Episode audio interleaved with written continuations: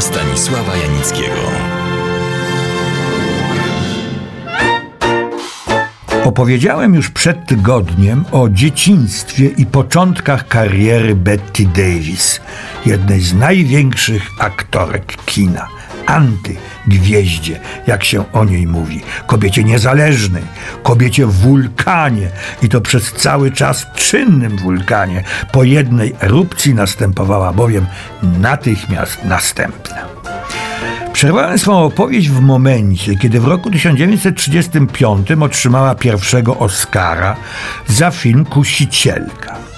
Tytuł wymyślili polscy przedwojenni kiniarze, nie zważając na to, że nie bardzo odpowiada on sylwetce bohaterki. Młoda gwiazda teatralna, która znalazła się w szponach alkoholizmu, która nie kusi, ale jest powrotem do sławy, kuszona.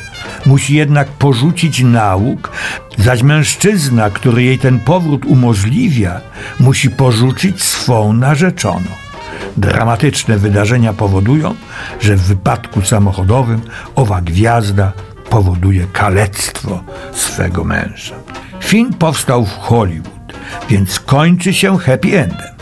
Ale portret złej kobiety wypadł w wykonaniu Betty Davis znakomicie. I co?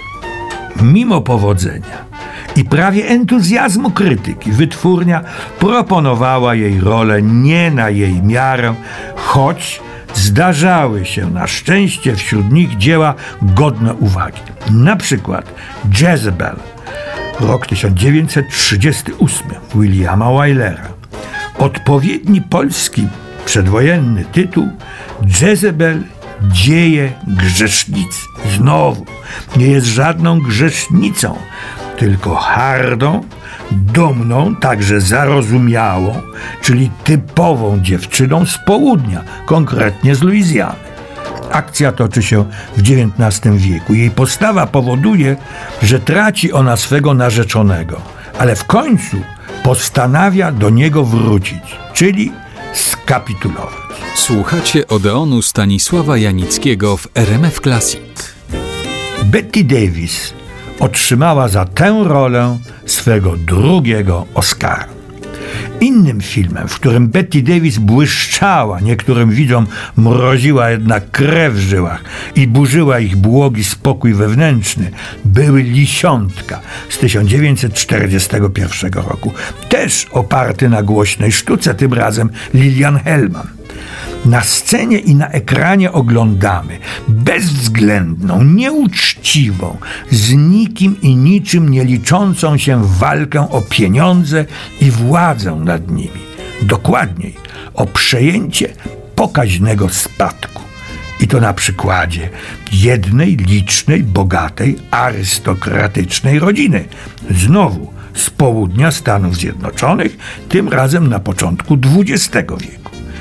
W walce tej bierze czynny udział Regina Betty Davis, jedna z tych, którzy nie znają pardonu i litości, lecz to ona zapłaci najwyższą cenę. Cenę całkowitej, absolutnej samotności.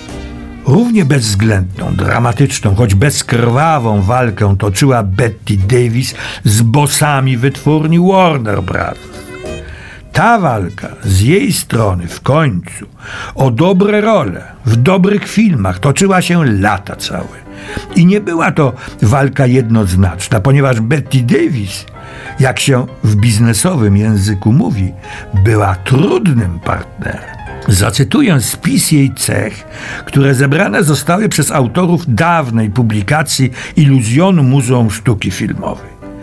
Betty Davis przez całe życie słynęła z ekscentryczności, twardego charakteru, dużej złośliwości i gwałtownych reakcji, ciągle manifestując własną, nieokiełznaną osobowość, urządzając awantury z partnerami, producentami i reżyserami. Wszystko to prawda.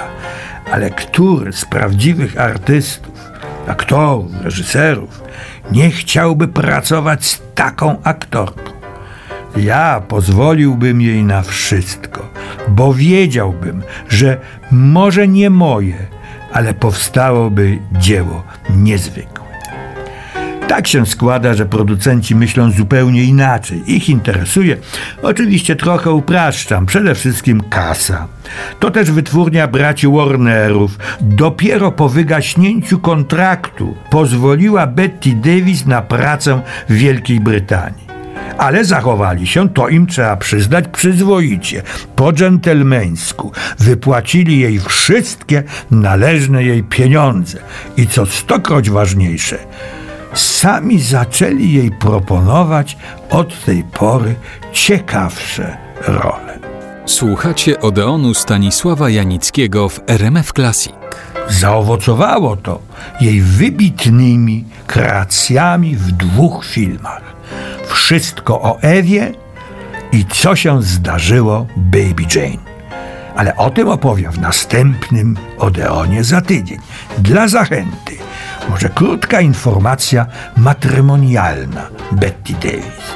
Jej pierwszym mężem był muzyk Harmon Oscar Nelson. To była ich pierwsza wielka młodzieńcza miłość. Małżeństwo trwało 7 lat.